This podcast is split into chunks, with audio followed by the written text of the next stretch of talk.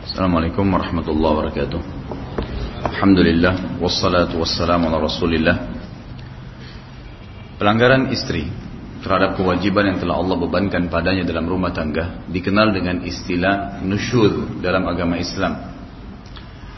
Istilah ini disebutkan oleh Allah Subhanahu wa taala dalam surah An-Nisa ayat 34 yang bunyinya a'udzubillahi minasyaitonir rajim واللاتي تخافون نشوذهن فعظوهن واهجروهن في المضاجع واضربوهن فإن أطعنكم فلا تبغوا عليهن سبيلا Al-ayah Wanita-wanita yang kalian khawatirkan nusyudnya Pembangkangan Terhadap apa yang telah Allah wajibkan kepada dia Tadi sempat saya singgung Kalau istri Suaminya berbuat salah nggak sholat misalnya suaminya, istri nggak tanggung jawab hari kiamat. Dia boleh mengingatkan suaminya, tapi dia nggak minta pertanggung tidak minta pertanggung hari kiamat karena istri hanya bertanggung jawab terhadap anak dan harta suaminya. Beda dengan suami. Kalau istrinya nggak sholat dia tanggung jawab, karena dia bertanggung jawab terhadap istri dan anak-anaknya, gitu kan? Jadi perlu difahami masalah ini. Makanya di sini laki-laki karena dia bertanggung jawab atas kebaikan atau kesalahan istrinya, keluarlah ayat ini. Wanita-wanita yang kalian khawatirkan nusyudnya, pembangkangan terhadap hukum Allah, jalankan kewajibannya maksudnya, maka nasihatilah mereka dengan cara yang baik. Peringatan baik-baik. Dengan kalimat yang lembut, nasihati. Kalau mereka nolak, maka pisahkanlah mereka di tempat tidur. Jangan digauli, nggak seranjang, dibalik belakangi. Ini ulama hadis, ulama tafsir mengatakan dengan cara itu namanya wahjuruhun. Hajar itu artinya tidak ber, berinteraksi di ranjang.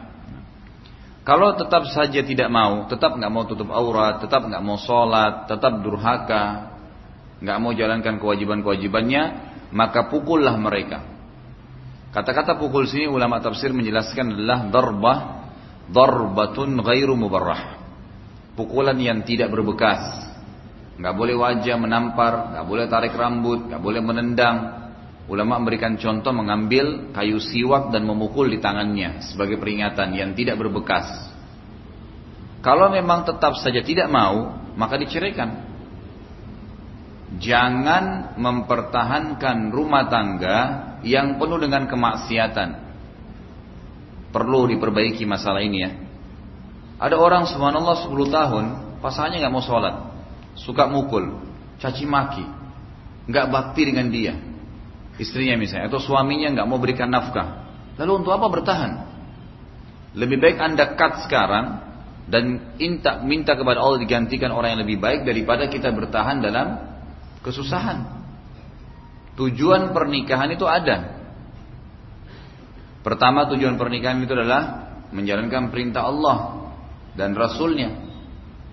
Sebagaimana kata Nabi Shallallahu Alaihi ya, an nikahu sunnati, faman ragiba an sunnati, falaysa minni.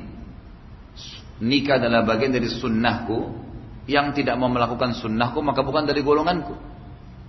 Tujuan pernikahan juga adalah ketentraman, ketentraman, gitu kan? Jadi jangan nikah kalau tidak ada ketentraman.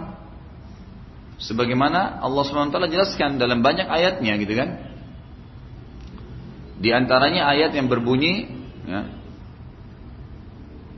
litaskunu ilaiha. Potongan ayat mengatakan agar engkau merasa tentram dengan pasanganmu itu. Jadi kalau tidak ada ketentraman jangan dipertahankan. Dan salah satu yang membuat biasa ketentraman rumah tangga tidak ada karena banyaknya orang membawa PR-PR ke rumah tangganya. Rumah tangga itu adalah bahtera baru. Kita laki-laki sebagai nakoda pimpinannya. Kita pakai baju baru. Istri kita juga ada wakilnya. Bukan staff di kapal tapi wakil dia yang siap membantu, mendukung apa pun yang dikerjakan oleh kapten. Jangan bawa barang rongsokan ke kapal. Piring kotor, jangkar yang sudah rusak. Jadi kotor kapalnya, jangan. Ya tadi itu sifat-sifat buruk. Udah jelas orangnya tidak baik tetap dinikahi. Tetap diterima nikahnya. Maka itu tidak baik gitu kan? Jadi harus cari ketentraman. Yang ketiga tujuan pernikahan adalah punya keturunan. Akhwat di belakang sana kalau ada yang mau nikah sama anda lalu dia mengatakan, tapi saya mau nikah tapi saya nggak mau punya anak ya, jangan diterima lamarannya langsung. Karena Allah Subhanahu Wa Taala mengatakan dalam Al-Quran, ya, wa e, dalam ayat itu dikatakan inti ayat itu ada potongan ayat mengatakan banina wa hafadah. Artinya dari istri itu akan ada keturunan dan cucu, anak-anak dan cucu, gitu kan? Itu di antaranya. Jadi kalau tidak ada tujuan pernikahan ini maka jangan menikah. Itu penting untuk diketahui. Kemudian jika mereka mentaatimu, para istri tadi sudah nusyud, diingatkan lalu dia taat, maka janganlah kamu mencari-cari jalan yang menyusahkannya. Kata sebagian ulama tafsir, nggak boleh lagi suami bilang begini, istrinya sudah bilang ya deh saya minta maaf ya, saya perbaikin, saya tidak ulangi lagi. Oh tapi kamu kemarin gini gini gini, diulangi lagi.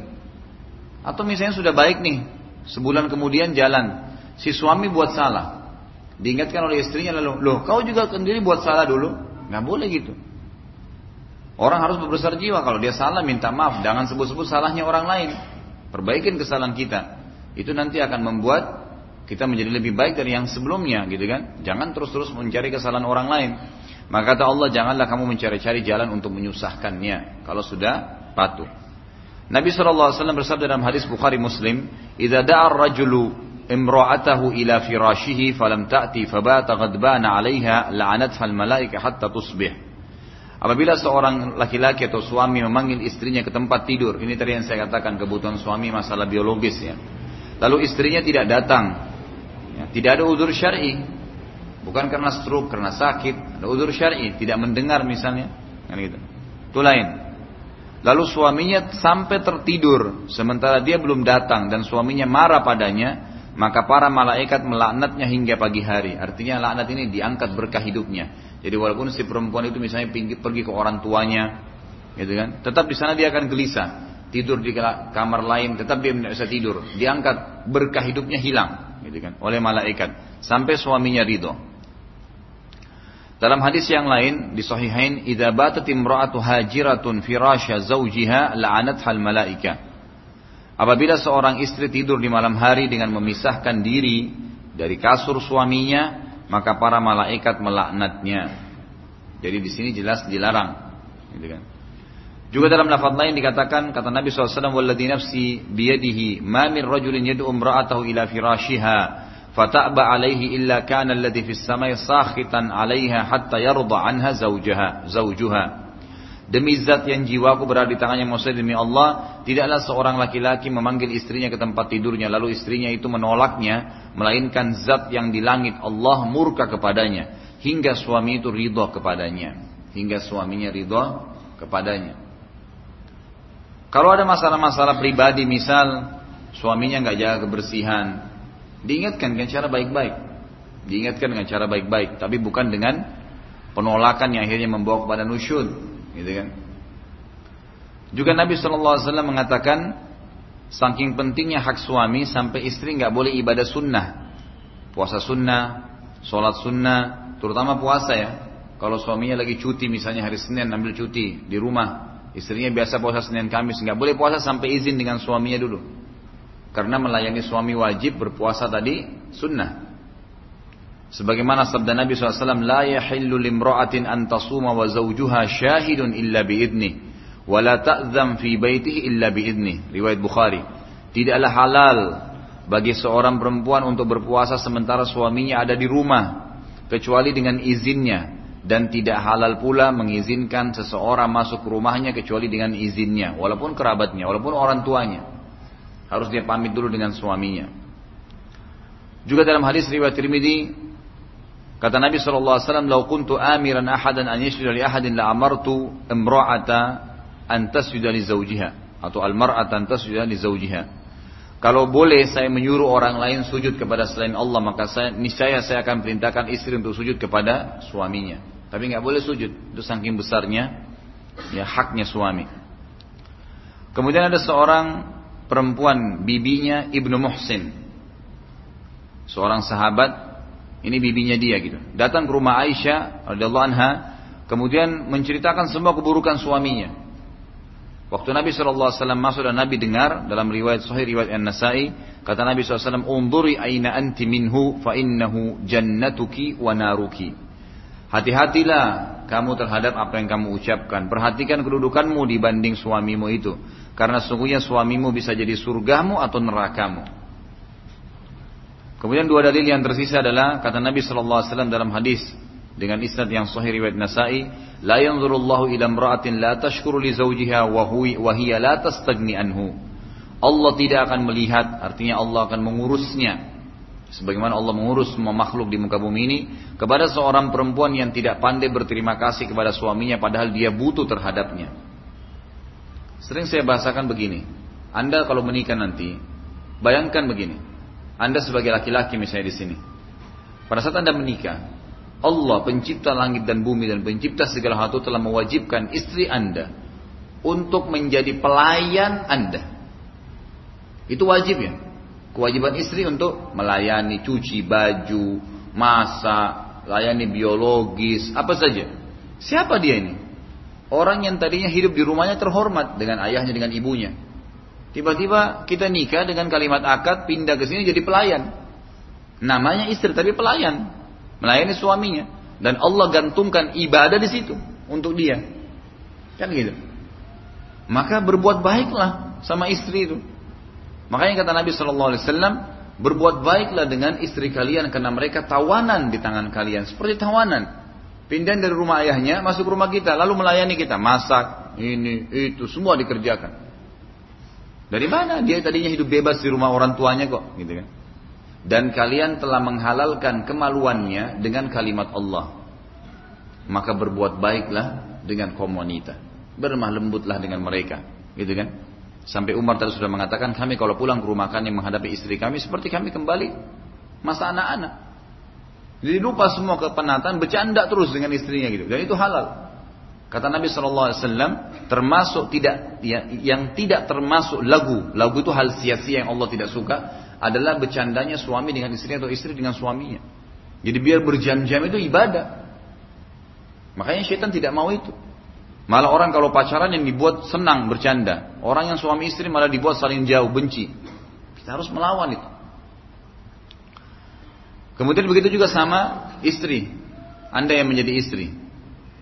Anda hidup memang di rumah orang tua Anda, diberikan makan, minum. Begitu Anda menikah, suami Anda diwajibkan oleh Allah digantung ibadah untuk menafkahi Anda.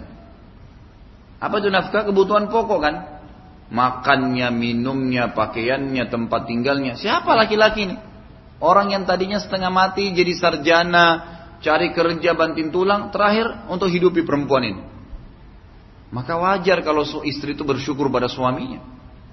Orang yang tidak dikenal sebelumnya lalu tiba-tiba menaungi dia. Sering saya bahasakan untuk akhwat kita supaya hati-hati dengan nusyud ini. Kalau misalnya lagi hujan nih, Terus ada kita lagi mampir depan rumahnya orang. Yang punya rumah bilang begini, bu bu masuk aja bu di sini, di teras aja, nggak buat apa-apa. Cuma disuruh tunggu nanti kalau redam hujan baru kita pergi. Kira-kira ibu-ibu di belakang sana, kalau seandainya, gitu kan, seandainya anda lewat setelah itu sudah pamit nih pulang, besok lewat atau seminggu lagi lewat depan rumah itu, apa yang anda bilang tentang tuan rumahnya? Pasti kita akan bilang orangnya baik ya. Hanya apa? Hanya menyuruh kita nunggu sampai hujan berhenti saja. Bagaimana kalau dia kasih teh, pisang goreng, suruh duduk, diajak ngobrol. Oh luar biasa pujiannya, sekali aja. Setiap kita lewat orang ini baik ya. Oh rumahnya saya dikasih masuk itu hari pisang goreng. Suami anda kadang-kadang subhanallah ada suami yang sudah naungi 20 tahun istrinya.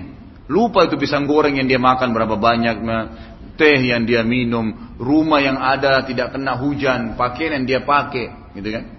Makanya Nabi SAW mengatakan waktu pernah ada sahabat bilang begini, ya Rasulullah, khususkan waktu buat kami, perempuan, kami mau khusus gitu. Nggak campur sama laki-laki. Kata Nabi SAW, baiklah, tentukan hari. Waktu tentukan hari, perempuan semua. Nabi SAW lalu ceramah. Dan ini dalil bolehnya seorang dai berceramah di depan perempuan, tapi untuk masalah ilmu, gitu kan? Tidak ada fitnah di situ. Maka Nabi SAW di antara ceramah Nabi SAW, beliau mengatakan saya melihat wan, paling banyak penghuni neraka adalah wanita. Sahabat ada satu bertanya, ya Rasulullah sebentar dulu. Kenapa kami paling banyak penghuni neraka? Apa sebabnya? Kata Nabi SAW, jawabannya begini, bukan karena tidak sholat, Itu juga berdosa. Tapi yang Nabi sebutkan pertama adalah karena kalian takfurnal ashirah. Memungkiri kebaikan-kebaikan suami. Sampai salah seorang di antara kalian setelah dibuat baik oleh suaminya bertahun-tahun. Satu kesalahan suami langsung dia bilang. Saya tidak pernah lihat kebaikan dari kau selamanya. Lupa semuanya. Kan gitu. Jadi ini peringatan Nabi Shallallahu Alaihi Wasallam. Kemudian riwayat yang lain dikatakan adalah riwayat disebutkan dalam Madmu' Zawaid dan juga Al-Haytham yang menyebutkannya, At-Tabarani menyebutkan dalam Mu'jam Awsat, gitu kan. Dan ini khilaf di antara ulama tentang kesahihan derajatnya, tapi ada yang mengatakan rijalnya thiqat, ya perawi-perawinya benar, ada yang mengatakan juga matruk atau tertinggal gitu kan. Kita ambil di tengah-tengahnya dengan sanad yang hasan. Sebagaimana sebagian ulama hadis mengatakan itu, kata Nabi SAW, Man kharajat min baiti zawjiha, la'anat hal malaika hatta tarji au tatub. Barang siapa yang keluar dari rumah suaminya, istri ya, tidak izin dengan suaminya, maka para malaikat melaknatnya hingga dia kembali atau dia bertaubat kepada Allah Subhanahu wa taala. Dan beliau mengatakan dalam bab ini cukup banyak hadis-hadis yang membahas masalah rumah tangga. Baik, sebelum pindah ke pertanyaan, saya ingin meningkatkan dua poin. Pertama, saudaraku, bagi anda yang belum berumah tangga dan yang akan berumah tangga, selalu ingat hadis ini. Pesan dari saya. Hadis sahih kata Nabi SAW, iblis punya singasana di lautan. Dan dia ingin menyamai Allah tapi tidak akan pernah karena Allah punya singasana di atas air. Sebagaimana Allah katakan, wa kana arsyu alal ma. Singgasananya Allah di atas air. Setiap hari anak cucunya melapor. Saya baru buat fulan berkelahi, saya baru buat, buat fulan berzina, berbohong, riba, macam-macam dosa. Sama iblis dianggap biasa semua. Sampai ada anak cucunya datang mengatakan saya baru membuat suami istri cerai. Tahu apa prestasi itu? Sama iblis diangkat cucunya ini didudukin sebelah singgasananya berhenti tugas. Artinya apa? Bercerai adalah perbuatan yang paling disenangi oleh iblis. Sebaliknya, cerai perbuatan hal yang paling Allah benci. Abghadul halal ilallah at-talaq. Perbuatan halal yang paling Allah benci adalah perceraian. Berarti asas rumah tangga itu Allah suruh jauhi kita perceraian, perbaiki kalau ada kesalahan, kekurangan. Suami ini hidup 25 tahun, 30 tahun di rumah tangganya sama ayah ibunya dengan karakter, dengan pola, dengan tata cara sendiri. Ini juga istri kita perempuan hidup di rumah tangga orang tuanya dengan cara tutur kata yang tertentu, dengan pola makan tertentu, dengan cara hidup tertentu, seterusnya. Harus kita disatukan, nggak bisa disulap tiba-tiba seperti yang kita mau. Butuh waktu, adaptasi, maka jangan semuanya lari ke perceraian. Karena target syaitan adalah cerai. Allah benci perceraian. Kata para ulama, kalau rumah tangga, di luar rumah tangga syaitan goda kita 10, di rumah tangga bisa 5000 syaitan. Sedikit salah kalimat. Misal seorang suami biasa tulis SMS ke istrinya, e, jangan lupa makannya misalnya istrinya bilang, jangan lupa makan sayang misal. Baik, so, istri, suaminya balas biasanya, ya jazakillah khair sayang atau terima kasih gitu. Sekali suaminya sibuk lagi di motor, tidak sempat jawab. Iya, baik. Tidak ada sayangnya. Kata-kata sayang sudah cukup tidak berhubungan dua hari itu. Pulang sebentar di rumah, kenapa tadi tidak SMS sayang? Saya lagi di motor. Ah masa sih gini panjang lebar dua hari nggak berhubungan. Bahayanya syaitan tuh. Kalau ada masalah apa masalahnya dengan kalimat sayang? Gak ada masalah gitu kan. Orang lupa ada masalah, ada uzur. Bahkan Nabi SAW memberikan kita kata kunci, kata Nabi SAW, iltamis li akhika udra.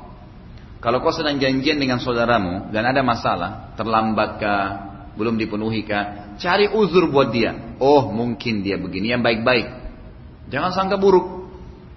Nabi SAW mengatakan akzabul hadis adzan. Paling buruk, paling bohong pernyataan adalah prasangka. Nggak boleh kita prasangka, nggak usah ribut. Ada rakib, ada atid yang catat amal kita yang baik dan buruk. Tidak usah repot-repot ambil tugasnya rokib dan atid. Itu penting. Jadi sadarilah iblis selalu targetnya menceraikan. Berarti target godaan setan pertama cerai. Jadi jangan cerai, gitu kan? Yang kedua, saudaraku, dunia ini hanya kemasan dan hiasan. Sebentar dilalui. Kenapa harus semua masalah dunia ini jadi besar buat kita? Ada orang nggak bisa tidur gara-gara nggak dapat makanan favoritnya. Kenapa? Mati kalau nggak makan itu. Jadi orang mukmin itu ada tempe alhamdulillah makan, ada daging kambing alhamdulillah, ada ayam alhamdulillah, ada susu alhamdulillah, tidak ada air putih alhamdulillah, semua ada Bapak. Wah itu juga cuma di ujung lidah kok. Kalau sudah lewat sedikit dari ujung lidah, masih dirasa ayamnya, masih dirasa dagingnya, sudah nggak ada. Jangan kemasan dunia ini membuat kita lalai semua. Sudah ada pasangan halal, cari yang haram. Terkemas sama syaitan, dihiasi seakan-akan itu yang bagus. Dari mana ini? Dunia sebentar gitu. Maka jadilah suami yang benar, jalani hukum Allah, nikmati yang halal, tinggalkan yang haram. Jadilah istri yang benar, nikmati yang halal, tinggalkan yang haram. Jadi orang tua yang benar, didik yang benar, nikmati yang halal, tinggalkan yang haram. Jadi anak yang benar, bakti sama orang tua, nikmati yang halal, tinggalkan yang haram. Jadi atasan yang benar, ya, instruksikan yang adil, nikmati yang halal, tinggalkan yang haram. Bawahan, jadi bawahan yang benar, tetangga yang benar, teman yang benar, sahabat yang benar, selesai. Dunia sebentar. Ikhwas sekalian, kalimat penutup setelah ini kita buka pertanyaan. Sudah berapa banyak orang sebelum kita cuma terkenang namanya. Si fulan pernah kaya raya, si fulan pernah pintar, si fulan pernah ini, si fulan pernah itu. Sekarang cuma tinggal khabar minal akhbar, berita, informasi. Dan kita juga begitu nanti. Oh si fulan pernah ya ceramah, si fulan pernah jadi direktur perusahaan ini. Si fulan pernah jadi presiden. Habis ceritanya. Saya pernah lihat cuplikannya Muhammad Ali. Waktu dia masih muda luar biasa kuatnya kan. Satu kali box orang bisa jatuh mati. Sekarang disuruh angkat obor, tangannya gemetar nggak bisa. Habis ceritanya. Kenangan dulu Muhammad Ali pernah hebat, habis. Dia sudah mati, sudah dikenang saja. Selesai. Kadang-kadang cuma diingatkan, oh hari peringatan tentang si fulan, satu dua hari. Habis itu sudah orang lupain. Begitulah dunia. Dan kita hanya bersama dengan amal yang sudah kita kerjakan. Jangan terpengaruh dengan pujian orang atau godaan orang. Jadi jadilah prinsip atau menjadi orang yang mukmin yang benar. Baik kita buka pertanyaannya.